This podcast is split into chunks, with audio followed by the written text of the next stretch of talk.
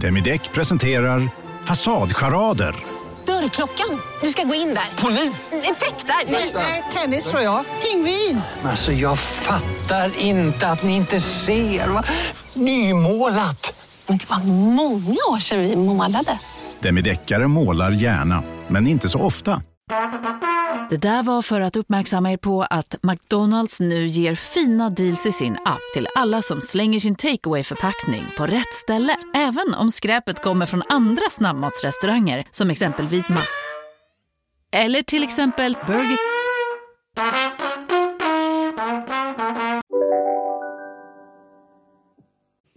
Hej syrran, hur är läget? Hej, det är bra. ja, men vadå sluta?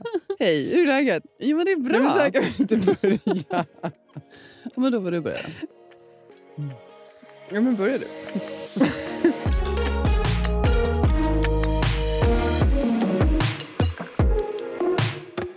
men du, eh, hur känns det nu då när vi har släppt vårt första avsnitt?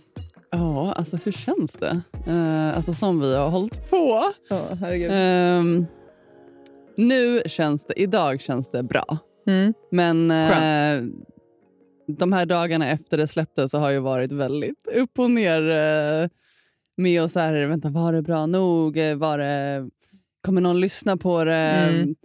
Det var mer fokus på allt som inte var bra. Så här, och så, vad, vad mycket vad konstiga saker vi sa och hur, hur framstår vi och så här, var det intressanta ja, ämnen. Och, alltså, jag hade sån ångest. På. Jag, alltså, verkligen, jag hade sån ångest över att jag så inte lät intellektuell. alltså, jag är ledsen syrran, men uh, du låter så. Nej, men alltså att jag kände så här, jag var så flamsig eh, och väldigt bara så här, inte så eftertänksam.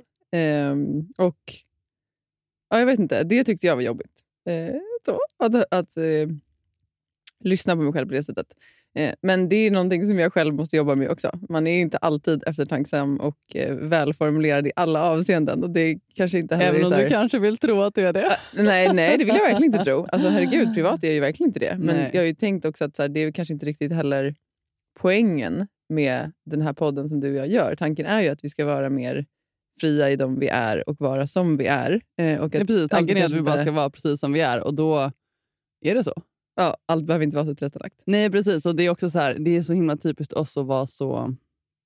Alltså som vi höll på efter det här avsnittet. Ja, men det var lite kritiska. Men, eh, ja, men gud, jag tror de, kritiska. De flesta människor lider väl ändå av någon typ av prestationsångest. Alltså man vill ju ändå att det man gör ska vara bra. Och jag, så här, det är som vi har pratat om också, vi hoppas ju så himla gärna att så här, folk ska vilja lyssna på oss och vilja hänga med på den här resan. Men, men det finns ju ingen, inget givet i det heller. Och Det är såklart jättenervöst att se om, om ni tycker att det vi pratar om är intressant eller om det ger er en bra känsla. och så där. Så att, eh, ja, det, det har varit mycket, mycket Men Det är så himla typiskt också att vi pratade om i slutet av första avsnittet att man ska se sina bra saker, vad man ja, är bra på och man ska så här, lyfta det. Och sen så gör vi tvärt emot. Ja, ja, Samma sekund som vi hade spelat in så var det bara, nej fy tusan.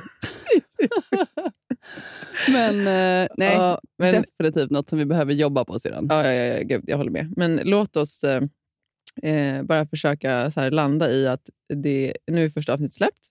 Eh, och it's out there. vi kan inte göra någonting åt det. Eh, och eh, liksom, fortsätta att ta ett steg i taget på den här resan. Eller hur? Ja, alltså, ja. det är ju jättekul att göra det här. Det handlar ju mer om att man inte ska vara så himla hård mot sig själv hela tiden. Ja, och det är lättare sagt än gjort. Precis. Vad har hänt senaste veckan i ditt liv? Senaste veckan? Alltså jag har inte gjort så jättemycket känns det som, fast ändå har jag gjort hur mycket som helst. Jag har haft... Eh, jag ska ju hålla TED-talk alltså, eh, om två veckor. Så jag har ju suttit egentligen dag och natt med det. Och, och vilket ganska... datum var det? Det var 18 mars, va? Ja, precis. Den 18 mars, ja. mars på Karolinska institutet. Så mm. vansinnigt häftigt. Så jag, har väl jag kommer lagt... inte vara tyst i publiken. Nej, det, det vet jag.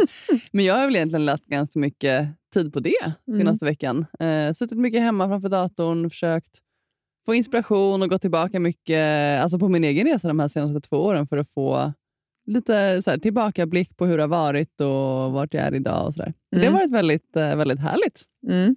Men mycket, många timmar framför datorn har det varit. Mm. så som de flestas liv ser ut. Ja, precis. Antar jag, eller? Ja, så ja, är det väl. Nej, så är det. Hur har din vecka varit? Min vecka har varit eh, ja, men helt okej. Okay. Eh, jag tycker det har varit eh, liksom, ofrånkomligt så är det ju liksom ganska tungt just nu, givet läget i världen. Eh, och det tycker jag det är, liksom, det är svårt att eh, inte eh, känna, känna den känslan liksom, som omgärdar ja. världen just nu. På ett personligt plan så vi har ju fått flytta in i huset. Vi har ju byggt hus och hållit på i ett år.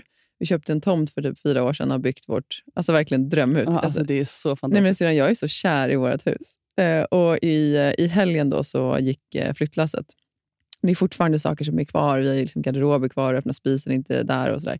Men, och vi har ju typ inga möbler heller, för de är ju försenade. Men det är bara det är helt underbart. Det är så rofyllt och bara den här känslan av att så här, vi har varit med och bestämt varenda vrå. Mm. Eh, ja, den är helt magisk. Så att, eh, på det, det sättet har, så här, samtidigt som det känns, sig, ja, det känns skevt att vara liksom, så tacksam på ett sätt eh, och privilegierad över att få ha byggt det här huset och flytta in där tillsammans med min familj när det är så många andra i världen som far, som far så illa. Så det var lite så här dubbel, dubbelt den här veckan. Ehm, men du ringde faktiskt mig igår sedan och berättade någonting som du måste dela med dig av i podden. Nej, men jag fick ju ett eh, samtal från mitt forskarteam eh, för att få mina röntgensvar. Och jag har ju röntgen var sjätte vecka för att se ja, men så här, hur, eh, hur status är. Ja, Mm. och när du säger så här forskarteam, vad, liksom vad, för du ingår ju i en studie nu. Ja, precis. Alltså, jag ingår i en eh, forskningsstudie där de testar fram ett så här, nytt läkemedel egentligen. Ja. Eh, så jag är väl en, det låter inte så, så här, jättepositivt, men jag är väl som en försökskanin. Liksom. Ja. Eh, men det som, är, ja, men som har varit så fantastiskt också är att jag kan vara det. Alltså kunna testa ett nytt läkemedel och Mm. även att de kan testa det på mig också. Mm. Och Det har jag ju förstått, det är ju det är så väldigt hårda eh, kriterier för att man ens ska kunna bli då en sån här försöksperson. Ja. Eh, alltså vissa typer av markörer på eh, tumörerna, men också liksom blodvärden och eh, övriga värden kopplat till eh, hur man Ja, mår i alltså det är ju, det är ju så här, ja, men, som du vet syrran, alltså jag har ju inom situationstecken perfekta blodvärden. Mm. Alltså allt ser superbra ut. Men Mm. jag hade till och med svårt att komma in i den här studien. Alltså man måste ju vara frisk för att, för att ens... Så här, Och Det är ju så himla sjukt egentligen. Ja, det är det. verkligen sjukt. Och det här är min andra forskningsstudie som jag är med i. Och Jag kommer ihåg att båda var, det var väldigt tuffa kriterier. Mm. Eh, men den här var ju också... Jag kom in till slut i den här. Mm. Eh, och ett värde var till och med... för att de, Många av referensvärdena då utgår de ju från så här, de som är ja, men så här, normalvärdet för de flesta. Ja, just det. Och Och, det är ett ju- spann då oftast, antar jag.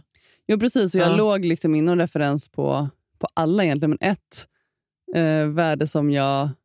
Ja, men som här, jag hade väldigt, väldigt... Jag har ju låg vilopuls. Mm. Eh, Det har ju du alltid haft, det har ju jag också. Precis, men jag, jag, det beror ju också på att man tränar mycket. Så det var också så här... Jag hade för låg vilopuls inom referens. Ja. För att folk har inte så låg vilopuls. Så det var också en grej som jag så här, nästan failade på. Ja. Eh, så det var mycket till för att jag så här, skulle komma in i den här studien. Men nu har jag ju varit i den sedan september förra året. Mm. Och de har ju ja, men så här, under de här två åren sedan jag fick beskedet om att jag hade lungcancer så har jag ju alltså jag har ju testat allt som går att testa liksom inom cytostatika och sånt innan jag kom till studien. Ja, för att när du, alltså när du först fick beskedet, då fick du ju cellgifter, eh, en typ av cellgifter. Men, men, jag fick ju dubbla cellgifter. Ja, precis. Du fick dubbla cellgifter och sen så fick du därefter också även immunterapi. Men det fick du ju liksom i palliativt syfte. Och Det kan ju vara, så här, det vet inte jag om alla vet vad det innebär, men och det kan ni tänka själva om ni får, får en anhörig som, eh, där ni har fått höra att de har liksom har palliativ vård. Så var det ju för mig, jag googlade. Eh, och Då ser man att det är liksom non-curable. Utan Mm. Palliativ vård det är livsförlängande vård egentligen. Och Det betyder att vården säger att eh, nu finns det ingenting mer vi kan göra. Vi kommer inte kunna göra dig frisk. Nej, och det var ju det de sa i april 2020. Ja, exakt. Men det var ju det som var också som jag funderat mycket på efteråt. att Med den vetskapen Mm. eh, så gick jag in i alla behandlingar i början med här, en vetskap om att nej, det här kan inte göra mig frisk. Nej, exakt. Eh, och det är klart att det påverkade. Ja. För Jag trodde inte på det. Jag trodde inte på behandlingarna. Jag, jag tänkte hela tiden att så här, okej, ja, det kanske kan ge mig liksom några extra månad, månader ja. i livet, men, men det kommer ju inte göra mig frisk. Så vad är egentligen vitsen? Mm. Så jag gick ju igenom alla de där behandlingarna och röntgen visade ju hela tiden att det gick åt liksom, fel, fel håll. ja. Ja. men precis. Eh, sen så var det väl... Alltså jag, hade någon, jag kom in i en annan studie förra året, men jag hade ju en paus ganska länge. Och den var från, du ju bara med jättekort. Ja, Eller men precis. Ja, den, den fick, gav ju ingen effekt. eh, det, ingen effekt. Det var, det var ju andra anledningar till att jag behövde avbryta. Men Ja, men så vitt de hann se i alla fall. ja, ja precis. Eh, och sen började jag med andra cellgifter. Och sen, Och det var de som sen gjorde att du tappade håret och är de här jätte- jättestarka. ja, precis. Ja. Ehm, och det var ju i somras. Exakt. Gud, det känns som så, här, så lång period när jag ja, pratar jag, om det. jag tycker också det. Det känns eh, så avlägset på något sätt. Men eh, skillnaden också med alltså den här studien som jag är med i nu är ju... Alltså jag är fortfarande så här, inom sj- sjukhustermer palliativ. Ja. Ehm, alltså att det fortfarande inte liksom finns någonting medicinskt som kan bota mig. Mm. Men eh, att vara med i en studie är ju också en chans att testa ett nytt läkemedel för att se om det skulle kunna funka. Mm. För det är det som är så häftigt med forskning. Man vet ju inte. Nej, precis. All forskning måste ju testas fram och all forskning har ju funkat på någon, någon gång. Ja, så är det För att man sen ska komma fram till nästa upptäckt och så vidare. Jo, men precis. Och ska, vi, ska du berätta någonting om vad det är alltså vad är det för typ av läkemedel som de forskar på nu? För Det tycker jag också är intressant. Det, alltså, som jag har förstått det, nu får du, nu, så, här, så har jag förstått det i alla fall, det är att de har ju tagit ut då vissa eh, celler då från några av dina metastaser i lungan. Så de har ju gått in och liksom, ja, plockat ut egentligen. Och Då gick de in via ryggen, eller hur? Ja, ja precis. Nej, men alltså, de, gick in, de gick in i, eh, i min vänstra lunga och plockade ut material då som de kunde ha för att framställa det här läkemedlet som jag får nu. Och det är en typ av vaccin kan man säga. Ja, de kallar det för det. Exakt. Och sen, då är det tränat för att liksom känna igen dina, eh, de här liksom, tumörcellerna eh, och sen då eh, för att få kroppen att själv eh, ta död på dem. Det är väl det som är hela, liksom, om man ska beskriva det väldigt förenklat. Ta död låter så hårt. Men, eh, Nej, men det är väl alltså- det som är syftet. Alltså syftet är, det, det är samma, lite samma princip som med covidvaccinet, att det ska känna igen här, när det kommer in i kroppen. Det är samma sak som det här. När det här vaccinet kommer in i min kropp ska den känna igen vad som är friska och sjuka cancerceller. Mm. Och på, på det sättet ska den få kroppen att själv läka. Ja, precis. Alltså Sätta att- igång kroppens egen självläkningssystem. Egentligen. Precis, så, så istället för att liksom slå ut allting med cytostatika och, och liksom annan typ av behandling så, så vill man ge kroppen en chans att göra det själv. Och Det är det som är framtidens behandling och framtidens forskning. Och Det är det som är så häftigt att vara en del av. Mm.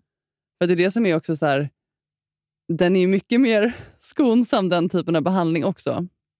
Istället för att bara slå ut allting. Mm. Och Sen är Eh. den ju väldigt individanpassad. Och Det känns ju verkligen som så framtidens... Eh, Precis, framtidens den är ju läkekonst. 100% individanpassad. Ja. Alltså, ingen annan kan ju få det här vaccinet eftersom det är baserat på mina vävnader och mitt blod. ja. Det är det som är så himla häftigt. Ehm, Ja, men, lång historia Ja, kort. lång historia kort. Jag fick i alla fall. eller kort historia lång. Nej, det är en lång historia kort. Ja. Ehm, nej, men jag fick ju... Jag har ju fått, jag har gjort liksom en del röntgenundersökningar under hösten som har liksom visat att, ja, men att sjukdomen är vilande. Alltså, vilket innebär att det inte har spridit sig vidare eller att det så här... eh, Men har det inte varit någon under hösten där det fortfarande har vuxit lite? Jo, alltså det ju hela tiden... Alltså, de har ju, så här, det har inte vuxit på det sättet att det har blivit mer, Nej. men det som finns har ökat i storlek. Ja, just det. Mm. Eh, men det har fortfarande bedömts som en vilande sjukdom, i alla fall Ja, några okej. månader nu. Ja. Men i alla fall nu, det här beskedet som jag fick igår. eh, nej, men då för första gången på två år så bedömde de inte bara det som vilande utan de kunde även se att liksom två av de största metastaserna börjar gå tillbaka. Alltså, det är så mäktigt. Ja, det såg jag Det, får gåshud jag får också gåshud. Alltså, det här är, Ehm, det, är så, det är så stort. Alltså. ja. Kan vi bara take a minute? ja, nej, men det är verkligen... Alltså på ett sätt är jag så här, jag har ju blivit så van vid att inte lägga så mycket vikt vid mina röntgensvar. Men det är, också men- så här, det är lättare sagt än gjort. För när man väl får ett sånt här besked, då blir det ju... Alltså, Ja, nej, alltså jag försöker tänka på det, så här, hur det var första året. Vi har ju så här familjechatt där det oftast var där liksom alla satt på helspänn varje gång du var inne hos läkaren och Mm. skulle få liksom röntgenbeskeden. Och, så här. och hur liksom, beskeden i början där när liksom, det alltid bara var blev kommunikation kring att det hade ökat eller det hade blivit lite fler eller det gick åt fel håll. Det var så, liksom, det var så sjukt tungt Mm. såklart. Eh, liksom dels att se hur du behövde skriva det till oss alla, eller när du spelade in något röstmeddelande eller vad det nu var. Och sen så här, hur responderar man på det? Mm. Det går inte att säga så här, men det kommer bli bra. För det är ingen som vet det. Nej. Och detta, den stämningen, som den där oerhört tunga och liksom ångest, ja, men ångestfyllda stämningen som, som har varit till att numera när du går på, scan, liksom på scans, även om det har varit vilande eller till viss del vuxit lite, så är det liksom en helt annan... Och det, det, det jo, men det, ska, det kan också, man tillägga också att alltså på pappret så är jag ju sämre nu än vad jag var för två år sedan. Ja, precis, men samtidigt, så, som jag som lever nära dig och även liksom andra i din närhet, för oss är det ju inte så. Alltså, Nej. jag upplever ju dig som betydligt mer frisk idag än när du fick din diagnos för två år sedan. Mm. För det som hände då var ju att... Men, tänk, jag kommer ihåg själv när vi tittade på bilder från den sommaren. Ja. Alltså, du var så blek och du var så skör. Alltså, du hade till och med en annan hållning. Alltså, du gick som att du var Alltså, döende. det är hemskt att jag skrattar åt det, men det var verkligen så här, ja, alltså den första tiden, jag kan också så här, när jag tittar på bilder att jag, alltså det var som att jag så här, hade tackat för mig. Ja, Liksom. men det var typ så. Och jag kommer Ehm. ihåg när vi gick, för du flyttade ju hem till mamma och pappa då också. Och jag kommer ihåg när vi kom och hälsade på med... Ja, men, eh, då hade vi bara Lycke då ju.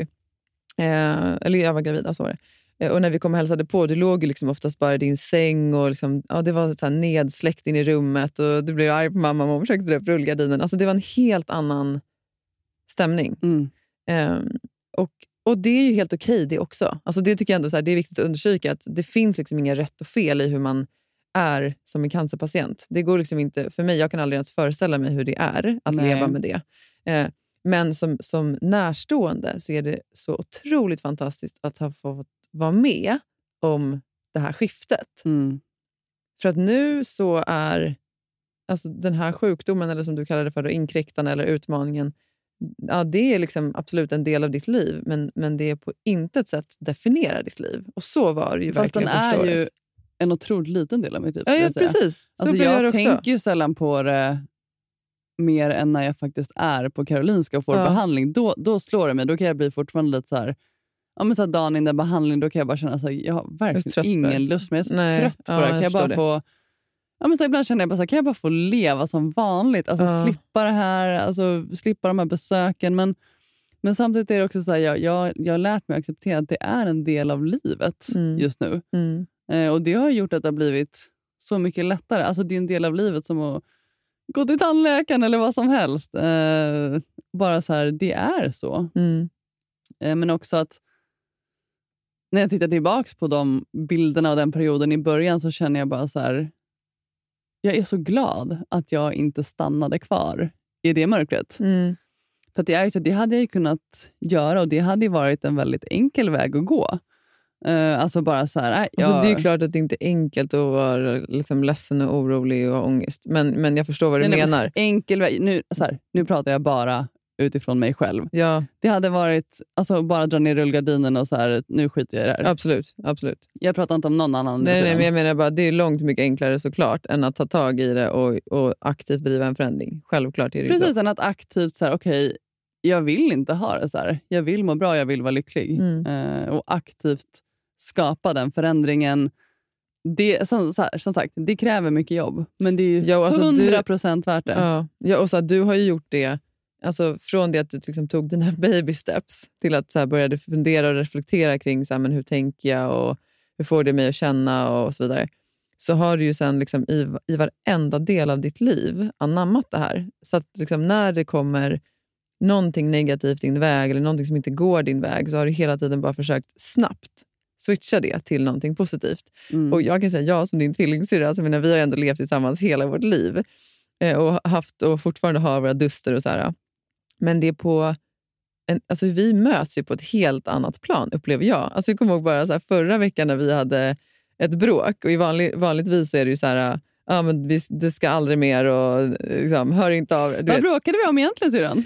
jag tror faktiskt att vi bråkade om podden. Vi bråkade om podden för jag tyckte att du sa vissa saker för mycket. det var så det började. Ja, än en gång handlade det om prestation. Ja, du tyckte att det inte var tillräckligt bra och jag tyckte att du var lite hård och sen så blev det ja. Ehm, men det som är intressant är att så här, förr i tiden då hade det oftast varit så här, liksom, sura miner, ingen sa någonting och sen så var det locket på och sen så typ två veckor senare hade vi hört som att ingenting, hade hänt, gått och tränat och sen så var det frid och frid. Men det som var så intressant den här gången, det var ju att båda på ett väldigt vuxet sätt liksom, woman up vill jag säga. Mm. Woman up till liksom vad vi sa som inte var bra och vad vi gjorde som inte kändes okej för den andra. Bad om ursäkt, konstaterade att vi älskar varandra, vi tycker olika och sen så var det bara gick vi vidare. Och det är en sån grej som faktiskt är jävligt stor för oss. För så Mm. har vi inte varit mot varandra tidigare. Och det är en sån grej som jag tycker ja, men det, har- det har varit lättare att mötas kring vardagliga saker, men sånt som man i, i sitt vanliga liv tycker ibland är stora problem. Eh, ja, eller så. Bara för att så här, det, man, man har fått ett annat, en annan syn eller ett annat perspektiv Men alltså på saker. helt klart ett annat perspektiv på, på saker som man trodde var jättestora förut. Exakt. Eh, och då blir det ju så mycket lättare och så här, om man bråkar eller tjafsar om så här saker som man om man tänker, tänker på det så bara, alltså, vad håller vi på med? Exakt. Och det vad- betyder vad har ju det här betydelse? ingenting. Nej, verkligen.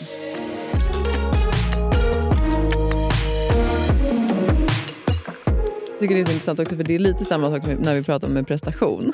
Att så här, för på ett sätt kan jag tycka att det är ganska så självupptaget att ha så mycket prestationsångest eller tänka så "Åh, undrar vad de tycker, kommer det vara bra? Nej, nu sa jag sådär eller nu lät jag inte smart. Och det är så här, okej, men det är på ett sätt som att man utgår från att så här, hela världen kretsar kring en själv och att det står och faller med liksom, ens egen prestation, vilket ju inte kunde vara mer fel. Eh, Nej. Så att, ja. Ja, förlåt, jag avbröt dig. Det gjorde du. Får inte en syl i vädret idag. Va? Du har ju precis berättat om hela din resa. nej, nej, men eh, ja, nej, det har verkligen varit... Alltså, nej, men alltså, det, det, jag, jag, förändringen som jag gjort också, framförallt det senaste året, har ju varit så häftig att få uppleva själv. Alltså, Mm. det, är så här, det är en resa som jag skulle önska att alla skulle få uppleva, alltså, oavsett situation eller, eller utmaning. Alltså inte så här att man skulle hamna i... Man behöver hamna i en cancerdiagnos. Liksom. Nej, nej men Nej. precis att man faktiskt ska... Kan inte du berätta eller ge några konkreta exempel då på så här, när du säger så här, men den resan du har gjort inåt och liksom, att det har varit häftigt att få uppleva. Vad, vad är det du känner har... Alltså vad är den stora skillnaden inne i dig? Alltså jag tror att den största skillnaden är väl egentligen att jag hittade ett sätt att vara mer närvarande. Det var egentligen starten, för jag har ju alltid bara rusat igenom livet. Alltså tänkt på nästa sak och nästa sak och allt som jag ska uppnå och hela tiden planerat framåt och liksom aldrig riktigt stannat upp och känt in, tror jag. Mm. Aldrig riktigt reflekterat över hur jag lever, om jag är lycklig. Mm. Så de delarna har varit väldigt häftiga. Och, Ja, typ utforska, alltså du har utforskat dem egentligen och, och kanske då egentligen agerat mer utifrån att du har varit mer sann mot dig själv, eller? nej, jag har inte utforskat de delarna. Jag har upptäckt att jag har dem inom mig. Ja. Eh, Och det är det som är... Då blir ju allting...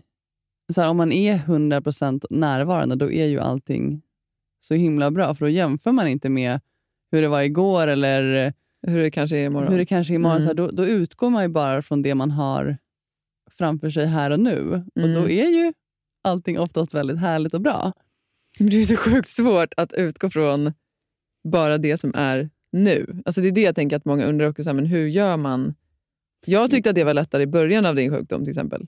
För då var det så här när allting ställdes på sin spets. Sen här, i takt med att eh, du börjar må så jättebra igen, och så här, då blir det som att, i alla fall för egen del, som att ah, men då går man tillbaka till sitt ek- ekorrhjul och så kör man bara på. Jo, men och det, det har jag också gjort. Alltså, jag, menar, jag jobbar ju heltid nu och, och är ju såklart mer, ja, men kanske mer stressad än vad jag var första året när jag var sjukskriven. Men skillnaden är nu att jag är medveten om det. Mm. Alltså jag är medveten om, okej, idag har jag stressat, idag har jag kanske kört på lite för hårt. Och då stannar jag upp. Mm. och, och ta några sekunder och bara så här, istället för att bara gasa på och inte ens inse att man gör det. Så du kanske tackar nej till fler saker och du kanske känner in lite mer vad du faktiskt behöver och inte bara gör saker på liksom rutin eller för att det liksom förväntas. Absolut. Jag, jag är verkligen... Återigen, jag har blivit så mycket bättre på att känna in vad vill jag Mm. egentligen. Vad mår jag bra av? Vad gör mig lycklig? Vilka människor vill jag umgås med?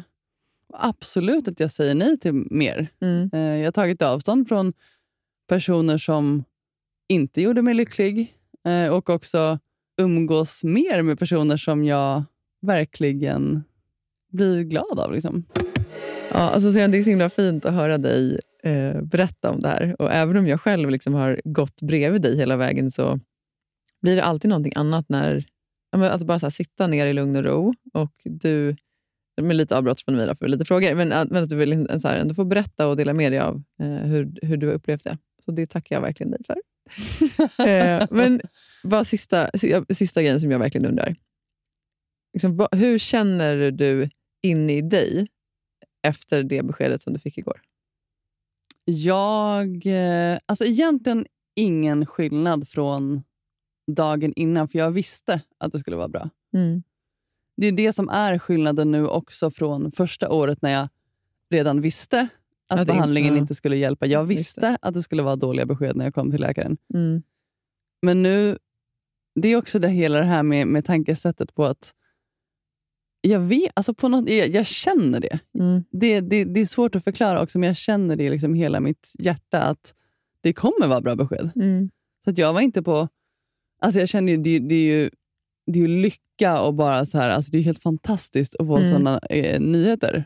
För det är ju, även om jag inte lever i samma oro som jag gjorde förut, så jag lever fortfarande med det här. Ja, ja, det är ja, klart verkligen. att det är oroligt. Ja. Eh, så bara att få Älsklingar, den här veckan är ju Under your skin med oss igen i podden. Vi älskar ju bra produkter som är bra för oss Mhm. och våran kropp. Och Det är ju faktiskt så att alla Under Your Skins produkter är naturliga, veganska och ekologiska. Och det här är det bästa. Utan några onödiga kemikalier. Det vill vi inte ha. Saker som kan påverka vår kropp negativt, det vill vi bara bort. Usch, försvinn. Ja. Eller hur? Vi har ju jobbat med Under Skin länge och eh, vi har fått lite frågor eh, kopplat till deras produkter. Så nu tänkte vi bara lite kort idag köra lite lyssnarfrågor. Kul! Eh, en fråga vi har fått är ju hur snabbt minskar håravfallet från och med att man börjar använda eh, ja, men hair growth kit? Ja, just det. Alltså, precis, för de har ju ett eget hair growth kit. Jag använder ju den och har använt den nu eh, ett bra tag. Och Jag var tvungen att faktiskt gå in och kolla på deras hemsida vad de skrev, för min upplevelse var ju att det, det minskade bara redan under första veckan. Det gick jättefort från att jag kunde känna skillnad när jag borstade håret på hur mycket hår som fastnade i borsten. Då har jag ju såklart också kikat då, och det är ju faktiskt det också som de själva rapporterar, att det ska gå så fort om det inte är så att man har någon särskild diagnos. Ja, såklart. Ja, men gud Ja, vad grymt. och, ja, men, så det är en sån här sak som att ja, men det som man borstar, då ser man ju hur mycket som kommer på borsten, men också alltså, man skulle till och med kunna typ, så väga håret bara för att se ja. skillnad. Jag märker jättestor skillnad. Okej, eh, vi vi har ta- någon till lyssnarfråga, ja, men, eller hur? Ja, men exakt. Eh, har du någon? Det här är en fråga som jag tycker är skitbra. Det är så här, kan man kombinera hair growth serum med detox shampoo och balsam? man kan ju såklart kombinera så som man önskar. Men om man vill ha bäst effekt eh, vad gäller liksom håravfallet eh, och hair growth så ska man ju såklart använda hair growth-kittet hela vägen. All the way. Mm. Det är ju sammansatt för att få bäst effekt, om man säger så. Vi har en kod, kära ni. Lyssna nu, spetsa öronen. Eh, med koden SHOES20 eh, då får man alltså 20% eh, rabatt på underyourskin.se. Och det här erbjudandet gäller till och med 12 maj. Så in och fynda och se ert svall växa. Oj, oj, oj. Sommarsvallet. Ja, sommarsvallet. Tusen tack Under your skin. svar på att för första gången på två år Mm. så har det liksom börjat gå tillbaka. Det är helt overkligt. Mm. Och Det gör ju också att jag blir mer... Ja, men så man blir lugn. Alltså, jag bara känner så här... Du har tid. Ja, precis, jag har tid. Mm. Eh, och så här, Oavsett om man inte har tid så, så är det bara så här... Ja, men det är fantastiskt. Mm. Så jag känner mig bara jättehärlig liksom, känsla och Tillfreds. Ja, men tillfreds, jag känner ett lugn och jag vet att det jag gör funkar. Mm. Alltså både mitt inre jobb, behandlingen som jag får. Alltså, någonting har ju uppenbarligen gett resultat. Ja, och hur du lever. Alltså, du är så konsekvent med din träning och hur du äter. och så här. Det, Du har ju en, en holistisk syn på ditt sätt att leva som jag tror verkligen har Jag är påverkat. extremt envis. det med. Ja, alltså, herregud, vissa perioder under de här två åren som du har... Alltså, det kommer jag ihåg. Ehm, jag vet, jag sa att det var för sista frågan, men jag- kom bara, kom bara att tänka på när eh, jag hade fött min andra son. Och jag kanske, vad kan han ha varit? Då, typ fyra, fem månader. Och jag hade ändå börjat gå lite till gymmet då, eh, men var ändå ganska så här... Liksom, hade jag sovit väldigt dåligt en natt, eh, då var jag inte jättesugen på att gå till gymmet och då ställde jag ju oftast in. men du då som Fast vi på körde liksom, ändå en del då. Jo, men vi körde ändå en Ja, del. du hade ju med honom på gymmet, satt och ammade och allt möjligt. Ja, absolut. Ja, jag gjorde ju så gott jag kunde. Men då kom jag i alla fall ihåg att det var ju, så, det var ju ofta som du var så här, men kom igen nu syrran. Alltså, det var du som liksom fick dra med mig till gymmet. Då. Och när du, och då, det var ju ändå också under en period här för mig när du fick ganska så starka alltså, Cytostatika. starka cytostatika. Så du hade ju, vad kan det vara, då, en vecka var tredje vecka där du var liksom någorlunda okej. Och då körde du liksom. Ja, alltså den veckan, då körde jag. Det tog du igen för Ja, de andra tog jag igen. Ja. Nej, så det, det var, där kunde jag väl känna att jag fick skämmas för att jag inte tog mig till gymmet. Nej, men fan, alla är olika och jag menar, jag vet inget annat sätt. Eh, jag har bara gjort det som jag mår bra av. Ja, exakt. Och uppenbarligen ett vinnande eh, koncept. Vi kan prata i tusen år om det, här, men jag känner så här, let's leave it there. Vi, kan, eh, vi kommer komma tillbaka till det här. Ja, absolut. Eftersom även om det inte definierar ditt liv så är det en stor del av både ditt och mitt liv. Precis. Ja. Jag eh, gick ju förbi Naturkompaniet igår, för de hade ju gjort en så här, insamling för där man kunde lämna kläder och sovsäckar och liknande för Mm. att ja, men så, här, så att det kunde skickas till, till människor i Ukraina som behöver varma kläder och allt vad det kan vara. Mm. Men det var så många människor som hade varit där och lämnat så att de var ju tvungna att så här, stoppa. Ja, Eh, De kunde inte ta emot mer. men Vilket är så här... Ja, det, det, det var verkligen fantastiskt och det visar verkligen hur mycket folk vill hjälpa till. Ja, verkligen. Ja, och det, det är ju en sida av det som... Så här, allt, eller oftast när det händer någonting väldigt tragiskt i världen så visar sig på ett sätt då, eh, i det här fallet, liksom, något av det grymmaste av, av liksom män, människans sida, men samtidigt också något av det vackraste. Eh, för så många initiativ och organisationer som, som aktivt arbetar för att stötta människor just nu. Det är helt fantastiskt att se. Eh, jag såg ju en... Eh, det finns en tjej som jag följer på Instagram som heter Asabea, tror jag. Eller Asabea, förlåt mig om jag säger fel. Men det är i alla fall en barnmorska. Eh, och eh, hon hade skrivit ett inlägg som eh, eh, egentligen handlade om att det, det man ser nu är att många kvinnor som ska föda eh, har inte möjlighet att föda på sjukhus eller ens med hjälp av en barnmorska. Och Då hade hon tagit fram som en så här miniguide eh, för liksom födande kvinnor. Då. Det här är bra eh, att tänka på eller det här, är liksom, det här behöver du för att du ska kunna föda själv. Och så har hon översatt det till ukrainska och försökt liksom få spridning på det här. Det tycker jag var ett så här fantastiskt initiativ. Oh. Ehm, och, Det eh, går inte ens att föreställa sig att man skulle behöva så här, föda nej, själv. Alltså, gud. att, jag kan föreställa mig det när jag har fött två barn, men som förstföderska så nej, men det skulle vara alltså det skulle vara ren och skär panik. Ja, och i ett krig också. Och sen så, Det är också det som är grejen. Det är så otroligt mycket risker förenade med att föda alltså, utan någon som vet vad som händer och, och alltså, så allt som kan gå fel. och så där. Så att, alltså, Det är sådana trauman. Jag tycker det är, det är så svårt på något sätt att ta in vad som händer i Ukraina just nu. Dels för att vi har ju alltid levt på något sätt i så skyddad verkstad. Mm. Vi har varit så otroligt eh, fjärmade, eller vad man säger. Är det ett ord? Jo, jag tror det.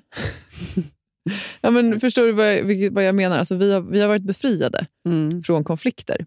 Eh, så det, är så, det, är så, det är så ovant för oss och det är, det är, liksom, det är svårt att ens begripa. Och Jag försöker tänka så hur jag ska prata om det för lycka. Jag, jag har svårt att ens... För att för, på ett sätt blir det så här, okej, ja, människor, det, det är krig. Varför är det krig? Varför slåss man mot varandra? Och, och på något sätt så landar jag själv i att så här, men gud, det, det är 2022 och det vi har pratat om tidigare med liksom den typen av behandling som du får som är så otroligt revolutionerande. Och så har vi fortfarande inte kommit längre än att vi krigar mot varandra för att vi inte kommer överens. Alltså det, jag, jag har så himla svårt att ta in det. Eh, och sen allt, ja men all liksom, tragik som följer av det, med, framför allt alla barn. Eh, ja, det är så hemskt. Och Sen tycker jag också på ett sätt att, jag vet inte hur du känner, men jag, jag har liksom känt lite så skam. Alltså, det dröm, dröjde ett tag för mig innan jag postade saker om det här på Instagram. Nej, men jag har känt att jag... Alltså man har varit lite så här... Ja, men första dagarna att man...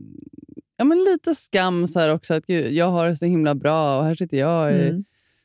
Liksom, morgonsolen och äter frukost. Ja, och, nej, men jag borde inte känna mig glad och lycklig Nej. när det är krig i världen. Men samtidigt är det också... Det är okej att vara glad. En, alltså känna sig glad. Alltså, jag menar, det är okej att skratta. Mm. Men samtidigt tycka att det är helt fruktansvärt. Ja, det, Alltså man det behöver inte ha dåligt samvete för att man känner att man har, har det bra.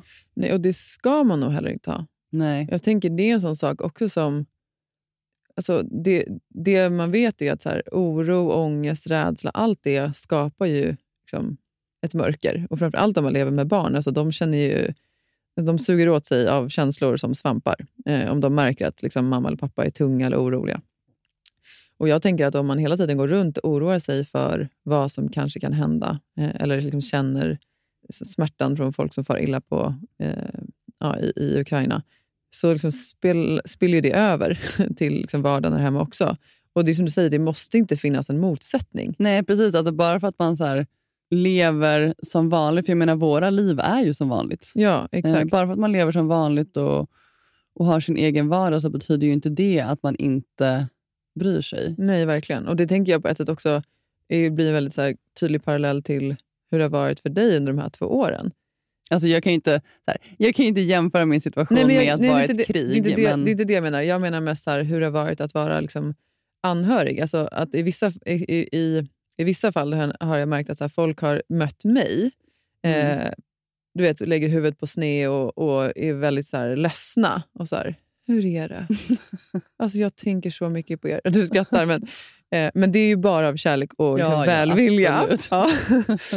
men när man själv då kanske har varit i ett state of mind att så här, alltså livet är okej. Jag, har liksom, Mm. jag har underbara barn, en man jag älskar och jag, jag trivs, med, trivs med mitt liv och jag är lycklig. Mm. Och sen ja, jag har en tvillingsyster som jag älskar above all som genomgår en väldigt tuff utmaning. Men för den sakens skull betyder inte det att jag är olycklig. Nej. Och det, det, det är med det jag menar. Det är lite samma Mm. sak här. Men sen har jag också känt skam i förhållande till att det jag tycker är lite komplicerat är att nu är alla väldigt snabba med att snabbt basunera ut eh, liksom, var man står i den här frågan och eh, också väldigt gärna vill visa att man hjälper till och man bidrar och man skänker pengar och så vidare.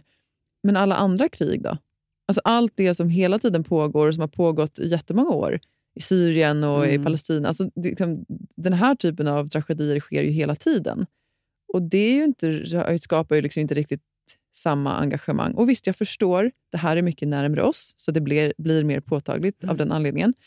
Men det tycker jag också är, liksom, det skapar en komplexitet i det här. Att jag tycker att så här, Mm. okej, men nu helt plötsligt, nu är det okej att alla engagerar sig. Men var har vi varit innan? Så den där tycker jag också är så här, det skapar lite en konflikt.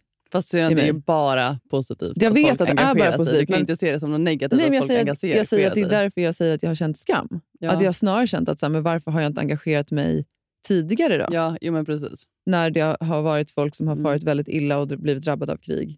Varför gör jag det nu? Förstår du vad jag menar? Jo, men då förstår jag vad Ja. du menar. Men sen tycker jag också, jag, jag vet inte om du såg det, men det har ju varit eh, flera influencers som har fått eh, en hel del eh, skit för hur de har liksom, kommunicerat kring, eh, kring kriget. Och Det var väl framför allt liksom, de första, första dagen eller första två dagarna. Och jag vet att ja, men det var någon så bloggare som skrev om eh, bland annat Sanne, Sanna Alexander eh, som hade lagt Sanna upp... Alexandra. Ja, förlåt. Sanna Alexandra. eh, som eh, eh, hade postat en bild. Eller, så här, till saken hör att hon hade ju postat massa stories hela dagen där hon hade pratat om hur fruktansvärd hon tyckte att det var. Ehm, och eh, liksom, ja, men beskrev mycket kring liksom, vad, hon, vad hon tyckte var väldigt problematiskt med kriget och så. Och sen lite senare på dagen så postade hon en bild där hon skrev en absolut en olycklig caption till den bilden. Eh, jag kommer inte ihåg exakt vad hon skrev. Eh, och Den fick ganska snabbt en hel del kritik. Och Hon gick ju då ut och bad om ursäkt och plockade bort den. Men det som sen startade, då tycker jag så här, bra, då är, det väl, då är det väl bra där. Men det som sen hände var Ja, och ju så det- här, det kan man ju tillägga också. Det var verkligen ingen stor grej. men Nej, det var, verkligen inte. det blev... Helt plötsligt så var ju folk... Alltså de började ju hata Ja, och skrev Exakt. de mest hemska sakerna till henne och att hon var en hemsk människa. och det var liksom Hur kunde hon göra något sånt? Och det, alltså, Nej, men vidrigt. Och det lyftes till och med på nyheterna på, Ja. så här, på radion. Om att influencers har liksom uppträtt olämpligt i, i, liksom med anledning av utbrytande krig. Och då, då blir jag så här, men vänta här nu. Alltså, vi har ett krig som handlar om extrem separation mellan Mm. människor som är beredda att liksom, ta upp pistol och liksom, gevär för att döda varandra. Vad är det vi håller på med? Det här om något skapar ju bara ännu mer separation. Jag, jag, för mig är det bara så här, och att uppvigla till den här typen av hat, som flera sidor och bloggar har gjort, det är för mig det är helt, helt obegripligt. Det är väl det Mm. sista vi behöver i en sån här situation. nej, precis, vi, behöver, vi behöver mer kärlek, gemenskap. Ja. Det är det vi behöver nu. Inte att man så ska... Vi behöver mer förståelse. Alltså det är ju klart att om man hade man, om man, som du säger, alltså om, man hade, om man hade tittat på vad hon egentligen ville säga och hur hon egentligen hade liksom levt sin dag, då hade man förstått att det fanns liksom inget ont uppsåt i det hon gjorde. Och det var samma sak, Gynning fick ju också kritik för att hon åkte på semester. Så här, men alla andra som har åkt på sportlovssemester, Ja, men det är väl egentligen det som det bottnar i och som man så blir lite skrämd över är hur mycket hat det finns i människor. ja jag vet. Eh, och att en, så här, en sån liten grej, mitt under ett krig, Mm. och folk börjar liksom fullkomligt kasta skit Mm. eh, över en annan människa på det sättet. Ja, nej, det är faktiskt... Men det är ju också social media. Alltså det är ju en väldigt utsatt bransch på det sättet att folk tycker och säger exakt det de vill. Ja, det är ju baksidan av sociala medier. Jo, men precis. Men det är också så här, någonting som vi pratat mycket om, hur viktigt det är att gå tillbaka och tänka så här, hur viktigt det är att vara snäll Ja, mot andra herregud. människor. Alltså snäll är ju faktiskt en av de mest underskattade egenskaperna. Ja. Ja, men det, är, det är det bästa. Alltså också så här, jag, jag kan inte förstå människor som inte väljer att vara snälla. Nej. Men jag tänker också att när man, om man, när man väljer att gå in och skriva någonting väldigt hatiskt eller någonting väldigt elakt till någon upfront så att alla kan se, då tänker jag att det ofta bottnar i att man själv inte mår bra. Jo, men så är det ju till 100 procent. Det bottnar i att man själv är liksom, Ja, en i en väldigt plats. mörk plats. Ja, precis. exakt. Eh, Men det är också... Nej, men det är där jag tänker att så här, där kommer ju förståelsen in åt andra hållet. Alltså för både du och jag har ju fått eh, ha- hat också. Och Jag försöker oftast då, jag var dålig på det för några år sedan, men har liksom, tack och lov, mycket tack vare din resa, liksom, försökt ha en annan approach till det. Mm. Att istället för att bli upprörd, eller arg eller frustrerad så försöker jag se var den personen kommer ifrån. Och då har jag tyckt att det bara rinner av. Ja, men också se... Det vet jag har hjälpt mig också. Se att ett beteende eller någonting som en person gör, det, det behöver inte så här, man behöver inte döma den personen som människa Nej, för det. exakt. Utan det kan vara att man, man, alltså, att man säger någonting plumpt eller att man gjorde någonting som inte var så passande. Men det har ju ingenting med, med mig som människa att göra. Nej, verkligen. Och det är det som det tycker jag har blivit lättare Ja. i- med åren. Att jag så här, okej, jag kanske inte var jättestort fan av just det där, men jag älskar fortfarande dig som människa. Ja. Gud, jag håller med. Alltså, man det- måste så skilja Sak på person. sak Ja. och person. Och det är det jag känner att folk har så himla svårt för Mm. att göra. Utan det blir så direkt attack på människan. Mm. Att man är en hemsk människa eller en hemsk person. Eller, Mm. och Det är det som blir så svårt och det är det som skapar så otroligt mycket hat och Ja, frustration ja. i världen. Att man bara Exakt. här, Och Det är väl också det som är liksom en utmaning med sociala medier och yrket influencers. För att personen är ju också de facto varumärket. ja, Och Jag förstår att det blir svårt för folk att hålla isär, men det tycker jag fortfarande är en sån grej som... Alltså, om man konsumerar sociala medier så måste man komma ihåg att ja, det är ett varumärke, det är en business människan bedriver, men det är också en människa. Precis. För att det kan- har man ju själv känt vissa gånger, att så här, men hur kan man uttrycka sig så här illa och med så ont uppsåt Ja. mot en annan människa? Och, och jag, vet inte, jag, jag, jag tycker bara att vi har, man har pratat om klimatet på nätet i så många år, men liksom också givet nu, vad Mm. som händer i världen. Mm. Snälla kan vi inte bara vara vä- vänligare mot varandra?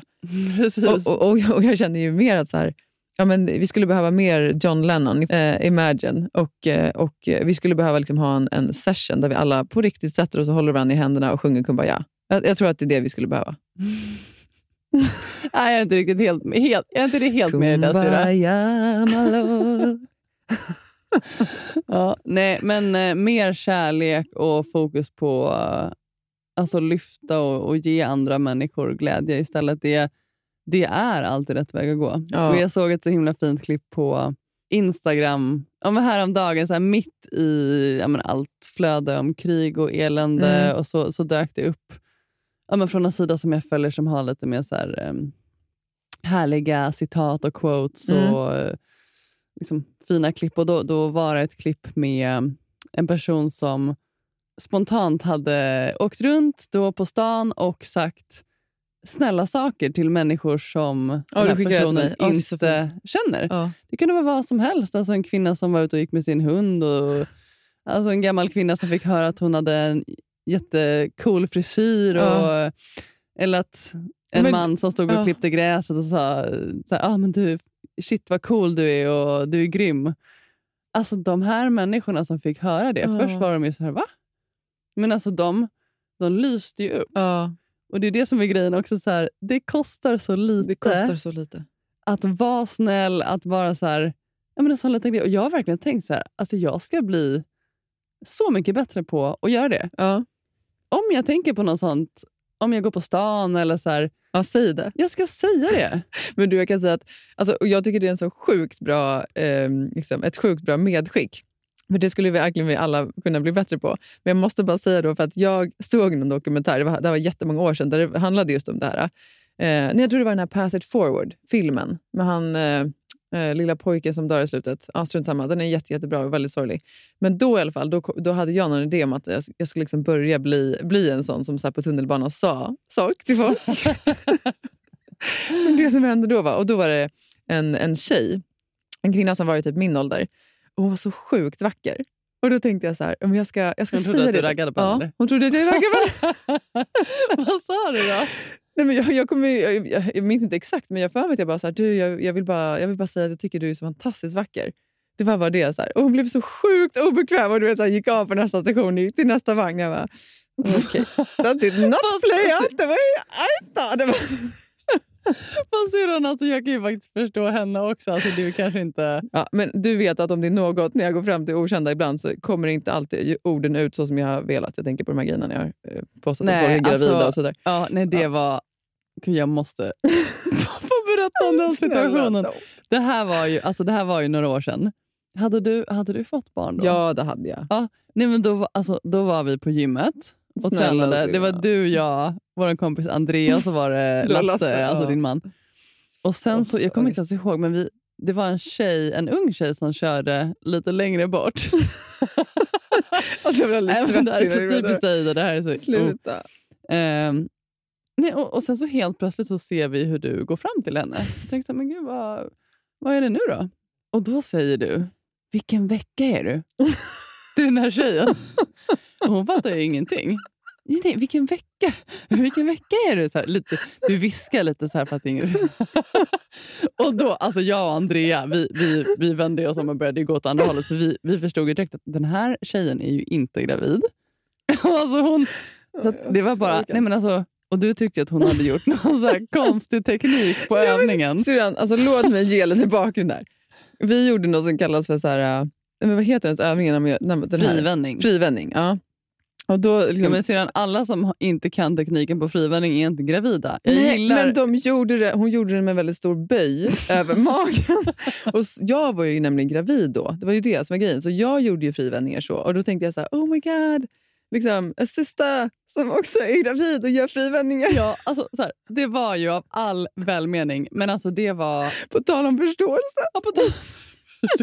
Nej, men Alltså, hon, ihåg- hon vände ju bara på klacken och gick. Ja. Nej, alltså, och jag hade sån fruktansvärd ångest. Och till saken hör ju att bara liksom typ fem, sex år tidigare så hade jag gjort precis samma sak. Och då hade jag ju sagt till mig själv att jag kommer aldrig någonsin i hela mitt liv kommentera när någon är gravid eller inte. Om du inte är helt säker. Exakt. Nej. Men eh, jag gjorde det igen. Eh, jag agerade på känsla. Där och då kändes det rätt. Eh, kände att vi kanske kunde connecta där, våra graviditeter på gymmet. Det gjorde vi inte. Ja. Eh, Så inga... Så här, man, man kan ge bra liksom, Ja, komplimanger men sen- och feedback till eh, okända, men man kanske inte ska ge just den typen nej, av feedback. absolut. Det är Mm. absolut fair. Men jag tänker ändå att det var av kärlek. Det var det. Det var av kärlek. alltså, syrran. Nej, det var... Usch, usch, jag blir nästan lite så här... eh, jag, Ja, jag är på jättesvettig nu. Så att, eh, Ja. ja, mm. Men Hur eh, som helst, det var av kärlek och du måste typ gå nu sedan. Du ja, ska ju jag på, ska hockey. eh, ishockey. Och vår kompis Jocke Fagervall har ju blivit tränare för... För Djurgården? Ja. Eller kompis, det är ju liksom våran, han är ju typ släkt. Familj. Ja, exakt. Ja. Så jag har ju blivit väldigt eh, hockeyintresserad. Ja, det är din andra match här då, eller, i livet? Nej, Tredje, okej. jag har sett fler matcher syrran. Okej, okej, Och så okej. roliga var första matchen, alltså då var jag ju så här, de hade ju ganska likadana färger lagen. Oh my god. Så det tog ju typ tio minuter innan jag så förstod att... Eller som, som jag så här, förstod typ vilken så här- sida de skulle göra mål, Mål på. på. Ja. Du vet att de byter sen också i varje period. Så ja, jag vet, det är kanske- det som är så Ja, jobbigt, för ja. då blir det så här... Nu måste jag... ja. Nej, men eh, jobba på det där Ja, hockeyintresset. men jag, eh, du jag har ska inte stå i klacken, det ska jag inte göra. Men eh, det ska bli kul. Ja, ja, men roligt. Jag, jag ska också dra snart. Jag ska, eh, vet du vad jag ska göra? Jag ska köpa någonting gott till mig och till Lasse. Eh, dels som tack för att han tog både lämning, hämtning, middag och nattning idag. men också för att jag ligger lite på minussidan. Varför det? Jo, för att jag, eh, jag vill simulera att vi ska köpa hund. Köpa hund? Ja, det har inte du sagt till mig. Nej, jag har kommit på det. Men väl, jo, men jag har, Hur ska ni ha tid med en hund? Jo, för att eh, eh, det finns ett... du bara skrattar. Jo, men det jag har känt, det har kommit till mig nu när vi har byggt där ute där vi har byggt. Du ser hur det ser ut, det är bara skog och natur. Ja. Eh, och så kommer vi båda jobba hemifrån i alla fall en dag var i veckan. Så då är det liksom tre dagar hunden är hemma själv. Och då finns det ett hunddagis 400 meter från där vi bor. Ja, det är precis sant. Så jag är i alla fall väldigt inne på att vi, vi ska köpa Men hund. syrran, vi som är uppvuxna med hund, Ja, men, ja, men ge inte Lasse ju. själv Nej, ja, Absolut, det är mycket jobb. Men jag ser också, jag vill ju komma ut mer i naturen. Och som du, vara mer i nuet och i stunden och sådär. men Och det då är har bara jag att gå tänkt, ut i naturen. ja, ja, men då har jag tänkt att om jag har en hund så kommer jag ut mer. Så. Det låter ju som väldigt fel skäl att skaffa hund. det Men, låter ju som en jättebra anledning att skaffa nej, hund. men, syrran. och, så att hundar är ju fantastiska och jag vet att det skulle tillföra, det skulle bara vara jättemysigt. Men eh, Lasse vill ju absolut inte ha hund. och då har ju Lycke då, Då är det ju du Våran- som kommer få gå med den. Eh, ja, det kan man ju förhandla om. Eller det kommer ju bli han som får gå med den när vi köper den. Men då i alla fall så, eh, så har ju Lycke hon har ju önskat sig en egen häst väldigt länge. Hon rider ju inte Oj. ens, men hon har ju en idé om att hon vill, som hon säger, äga en häst. Ja. Då får mamma jobba mer. ja. Eller så får hon kanske lära sig att rida först. Ja, Ja. det är sant. Ehm, men, och då har jag tyckt att det, det kommer hon inte få. Liksom. Ehm, då har jag sagt så här, men du skulle inte vilja ha en hund istället? och nu har hon helt snöat in på det. Så häromdagen då, då kom hon till Lasse och sa så här, pappa, jag vill ha en levande hund när jag fyller sex. Alltså jag, det är det jag önskar mig mest av allt. Syrran, alltså nu har du ju verkligen gjort... Oh my god, I'm a mastermind! I alla fall, han såg ju igenom det där ganska snabbt, så han är lite plutt på mig över det där nu. För att jag har liksom satt honom i en typ av gisslansituation. Så därför ska jag gå och köpa någonting gott. Och sen köpa en hund. Eh, ja, för att hon fyller ju år första augusti, så jag har lite tid på att jobba in den här idén. ja, Ja, men nej, nu eh, är det det- var alldeles... Ja, På väg, vad heter det? På väg. Iväg på hockey. ja, iväg på hockey. Ha det så mysigt. Hälsa Puss, Jocke. Puss, puss. Hej.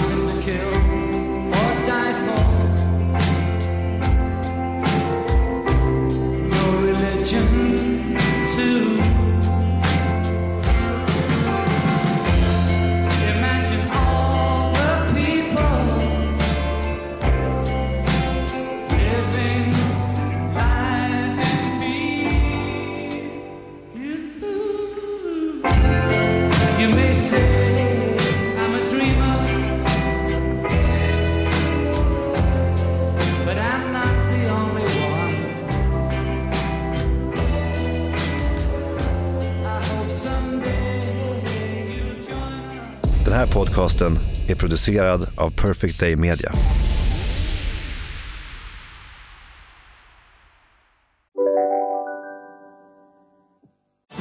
Och välkomna tillbaka till Sibylla där sportbörjaren nu laddar för mål. Otroligt taggad och toppat formen med stekt lök och dubbel cheddarost. Det här blir en riktigt god match! Sportbörjare, ett original i godaste laget. Från Sibylla. Lyssna på en ekonomistats podcast om du vill lära dig mer om döden, livet, kärlek, sex och hur allt hänger ihop med pengar på något sätt. Med mig Pingis. Och med mig Hanna. I samarbete med Nordax Bank. Hej, Synoptik här. Visste du att solens UV-strålar kan vara skadliga och åldra dina ögon i förtid? Kom in till oss så hjälper vi dig att hitta rätt solglasögon som skyddar dina ögon. Välkommen till Synoptik.